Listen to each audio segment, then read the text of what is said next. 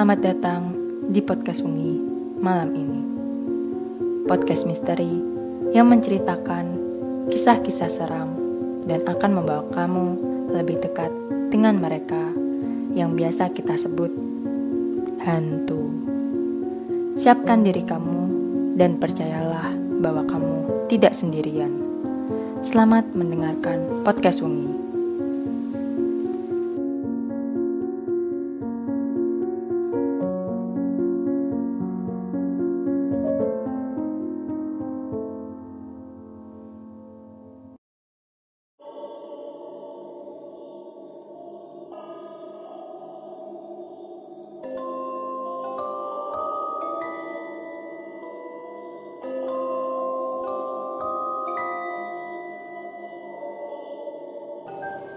Assalamualaikum warahmatullahi wabarakatuh. Selamat datang di podcast Wengi.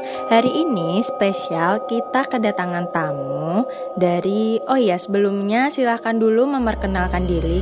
Perkenalkan nama saya Lesta. Saya berasal dari Pati Nah, malam ini sengaja saya memanggil narasumber atau mengundang narasumber untuk ngobrolin waktu masa-masa sekolah dulu.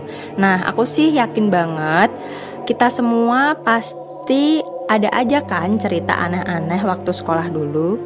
Nah, buat Kak Lesta, ada nggak sih cerita atau hal yang mengerikan yang pernah kakak alami? Ada, banyak pas dulu aku praktek kuliah di lapangan terus uh, pas di kosan itu juga ada Oh ya sebelumnya Kalesta sendiri ini uh, alumni sekolah dari mana ya?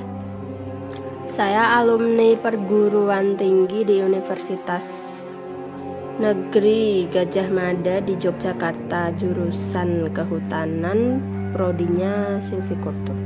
Nah, kalau boleh tahu ceritanya waktu itu gimana sih, Kak? Kalau boleh tahu ceritanya? Uh, ini aku pertama cerita yang pas praktek ke lapangan dulu ya. Uh, pertamanya itu kan uh, aku praktek ke lapangan itu selama 30 hari full day, tepatnya di Desa Getas, Ngawi. Iya. Itu kan kita disuruh praktek di sana itu selama 30 hari. Bener-bener praktek lapangan dari membuat laporan, terus uh, praktek lapangan untuk mengukur peta ukur, membuat hasil dan kesimpulan juga di sana. Terusan Nah, itu kan selama 30 hari itu dibagi selama dua minggu di kampus Getasnya yang selama dua minggu lagi langsung praktek di RPH RPH Getas. Yeah. Nah, pas aku praktek dua minggu di RPH Getas itu barulah ada kejadian-kejadian yang aneh yang aku alami. Hmm, itu kan dua minggu di sana. E, hari pertama, kedua, ketiga aku masih baik-baik aja, nggak gimana-gimana. E, masih perkenalan tempat lah ya. Setelah hari keempat itu kan aku melakukan pengambilan sampling air kayaknya. Pengambilan sampling air di sungai. Uh, pas waktu itu sih nggak ada airnya soalnya kan pas praktek itu musim kemarau jadi kita cuma ngambil sampling untuk pengambilan pengukuran lebar sungai, jarak sungai, terus debit air karena nggak ada airnya ya udah uh, kedalaman air gitu. Nah dari situ kan udah diwanti-wanti sebelumnya pas berangkat gitu. Kalau mau praktek di mana pun itu nggak usah pecicilan, iya, nggak ya, usah neko-neko gitu ya. Nggak usah pecicilan kalau kata orang sana yang sopan nggak boleh pecicilan, nggak boleh teriak-teriak atau gimana. Soalnya di sana itu tempatnya kata orang sana itu tuh sedikit angker gitu. Kayak kayak kayak tempat-tempat jembatan yang keramat gitu. Ya udahlah aku kan mikirnya orang aku nggak ngapa-ngapain kan. Aku ya udah cuek aja orang. Kita di sana niatnya juga cuma praktek nggak nggak nggak nggak aneh-aneh gitu lah terus udah kan di sana itu kita ngambil sampel data. Habis ngambil sampel data terus aku tuh kayak ngerasa ya masih biasa aja tapi emang di sana itu aku gak kayak biasanya. Biasanya kan aku kalau praktek di lapangan itu sedikit kayak menghati-hatikan diri sendiri gitu. Karena aku juga merasa kalau aku di lapangan itu sedikit kayak was-was. Gimana gitu. Nah pas di situ pas aku habis ambil sampling data aku tuh ngerasa kayak udah rada aneh. Soalnya kan udah diwanti-wanti orang di sana itu nggak boleh teriak-teriak terus bicara yang aneh-aneh. Tapi aku tuh malah pas habis ambil sampling data eh malah ketawa terbahak-bahak gitu. Itu alasannya kenapa waktu itu bisa ketawa kak? Ya kayak melihat adegan teman-temanku ngelucu aja. Cuma kan biasanya yang tertawanya biasa tapi rasanya kayak ada yang udah ganjel di situ. Iya. Nah habis itu kan kita pulang. Pulangnya mampirlah ke rumah Pak Mandor yang kita udah kenal di sana. Mampir cerita-cerita tanya jawab apa pun sama melepas lelah di sana. Itu kan masih siang ya kak nggak salah masih siang. Nah terus barulah habis dari ke rumah Pak Mandor itu kita balik ke camp ke rumah yang kita kosin sampai sore. Terus kita mau minta data lagi ke Pak Mandor yang tadi kita hubungi, hubungi dan tempat eh, apa kita istirahatin tadi. Itu malam habis maghrib. Di sana itu gelap banget. Nggak ada lampu bener-bener di tengah hutan. Desa yang ada di tengah hutan. Nah jarak rumah Pak Mandor yang kita mau datangin itu sama rumah kos-kosanku itu kurang lebih ada kira-kira Satu kilo? hmm, nggak nyampe sih eh, 200-an meter lah. Iya cuma dia tuh emang bener-bener di luar desanya yang kita tempatin itu. Nah jarak ke sananya itu memang nggak ada lampu sama sekali. Jalan Menarik banget ya. setapak heeh, jalan setapak makadam masih apa ada batu-batu tanah gitu. Terus kanan kiri ada pohon-pohon gede pohon jati gede-gede banget. Nah malam-malam di situlah aku udah merasa nggak nyaman. Pas di situ teman-teman tanya jawab aku udah merasa gelisah sendiri. Iya. Kenapa kalau itu kak? Perasaan gelisah itu gara-gara apa? Rasanya itu kayak ada yang buntutin gitu. Eh, pas ngelihat ke mana itu kayak ngelihat orang tua kalau melihat ke mana itu kayak melihat ada yang ngelirik-ngelirikin.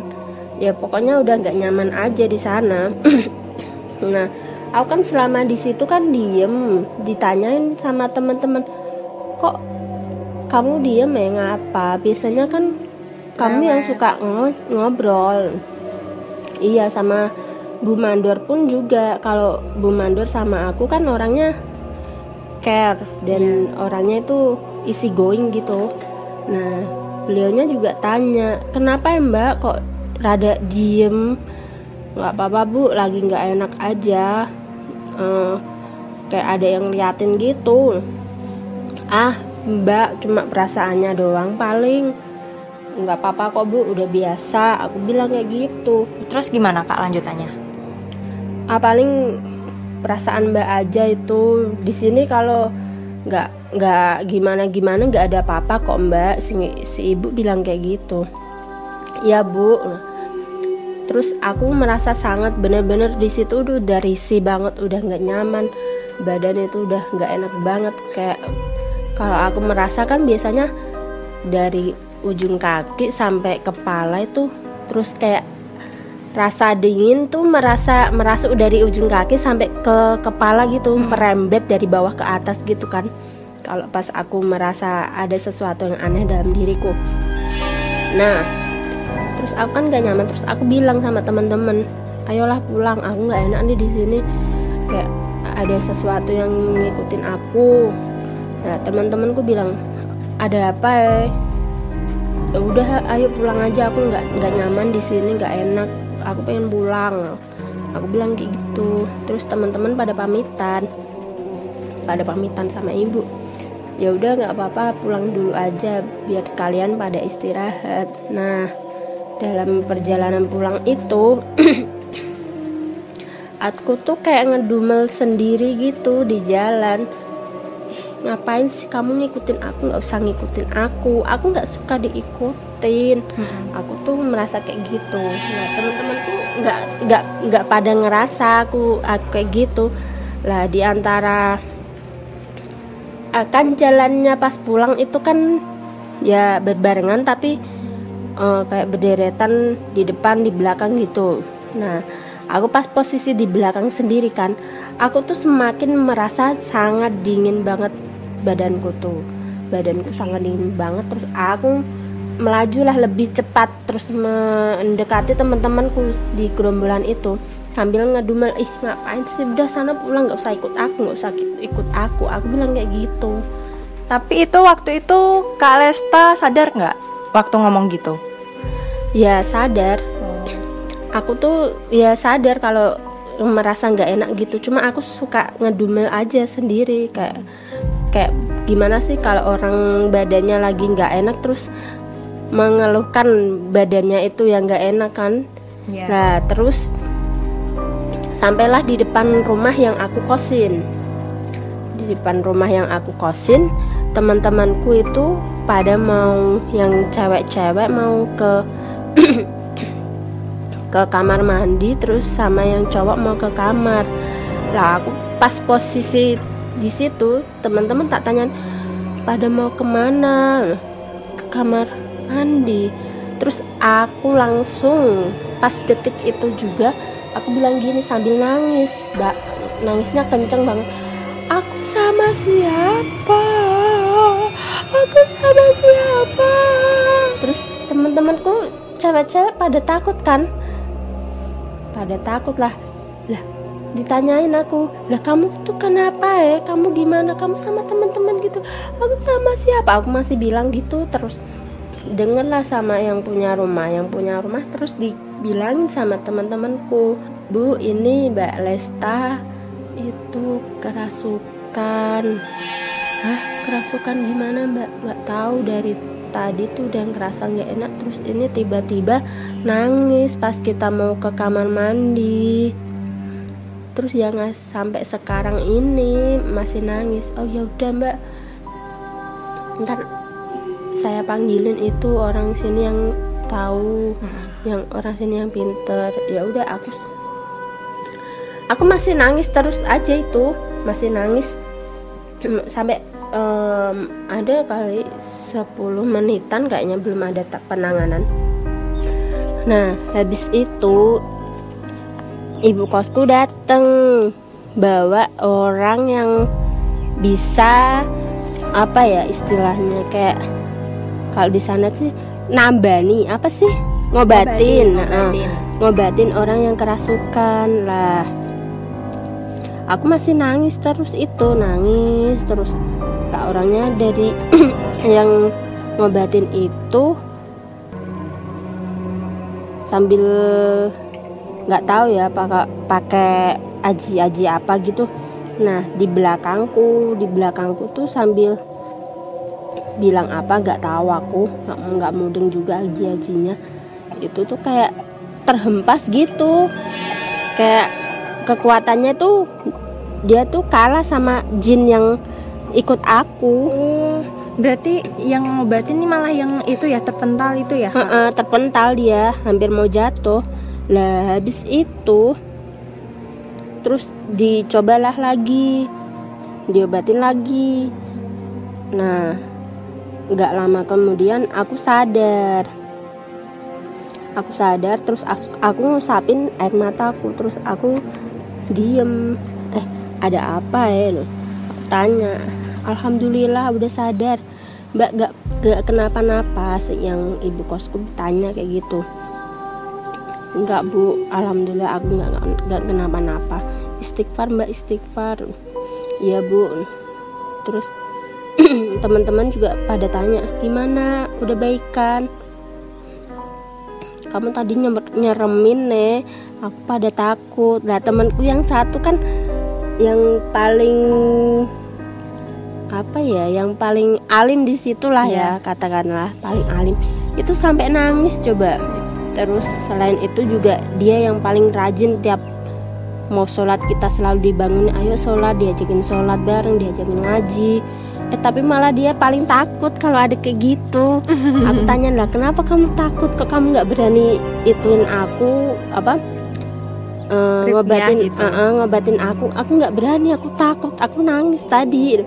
Nggak apa-apa emang kayak gitu aku. Kalau di kalau di tempat-tempat yang baru emang kayak gitu kalaupun aku udah merasa nggak nyaman ya aku kuat-kuatin. Tapi kalau udah nggak kuat ya ujung-ujungnya aku yang kerasukan. Nah gitu. terus cerita sama teman-teman kayak gitu. Mereka pada takut ya udah nggak usah kayak gitu lagi ya kami takut. Kamu gitu nggak tak nggak ada apa-apa. Tahu tanya kamu langsung kerasukan kan kita panik kita bingung juga. Anak ini kenapa? Nggak ada hujan nggak ada apa tahu-tahu nangis kenceng pula sambil gero-gero tapi buat Kak Lesti sendiri waktu sebelum kerasukan itu ngelihat nggak wujudnya atau deskripsi bentuknya sosoknya kayak apa? Kalau yang kalau ngelihatnya sih nggak cuma kayak bayangan sekelebatan gitu loh. Hmm. Nah, bayangan itu kayak orang tua. Nah, tapi emang bener katanya yang yang apa? Ngobatin. Ngobatin aku itu tuh kayak diikutin kakek-kakek. Oh. Nah, bener kan?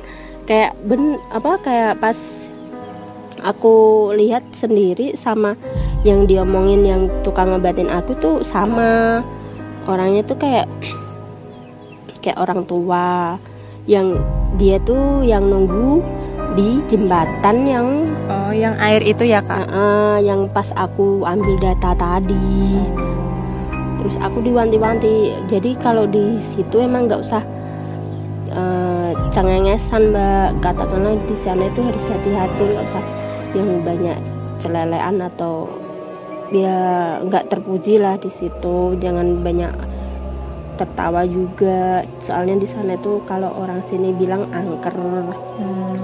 ya pak saya nggak tahu. Aku, aku bilang kayak gitu Oh gitu ya kak ceritanya. Baik terima kasih ya kak Lesta Udah mau berbagi cerita tentang apa yang dialami oleh kak Lesta. Saya tutup dulu podcast kali ini cerita tentang pengalaman waktu sekolah dahulu. Nah jika sobat malam masih penasaran dengan lanjutan cerita-cerita dari podcast Wengi Sobat Malam dapat mendengarkan kembali podcast Wengi yang akan diupload seminggu sekali setiap hari Kamis dan jika sobat malam memiliki pengalaman atau cerita horor yang ingin ditampilkan di dalam podcast ini, sobat malam dapat mengirimkan cerita melalui email kita yaitu podcastwengi@gmail.com atau sobat malam dapat melihat bio podcast Wengi. Oh iya, jika sobat malam suka dengan podcast ini, jangan lupa share cerita ini pada teman kalian dan terima kasih. Sampai jumpa di cerita selanjutnya. Wassalamualaikum warahmatullahi wabarakatuh.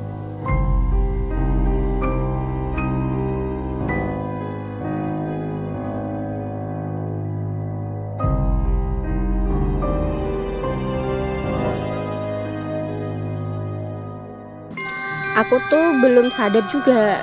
Dah orang-orang kan pada tanya ini gimana tadi ceritanya kok bisa sampai kayak gini?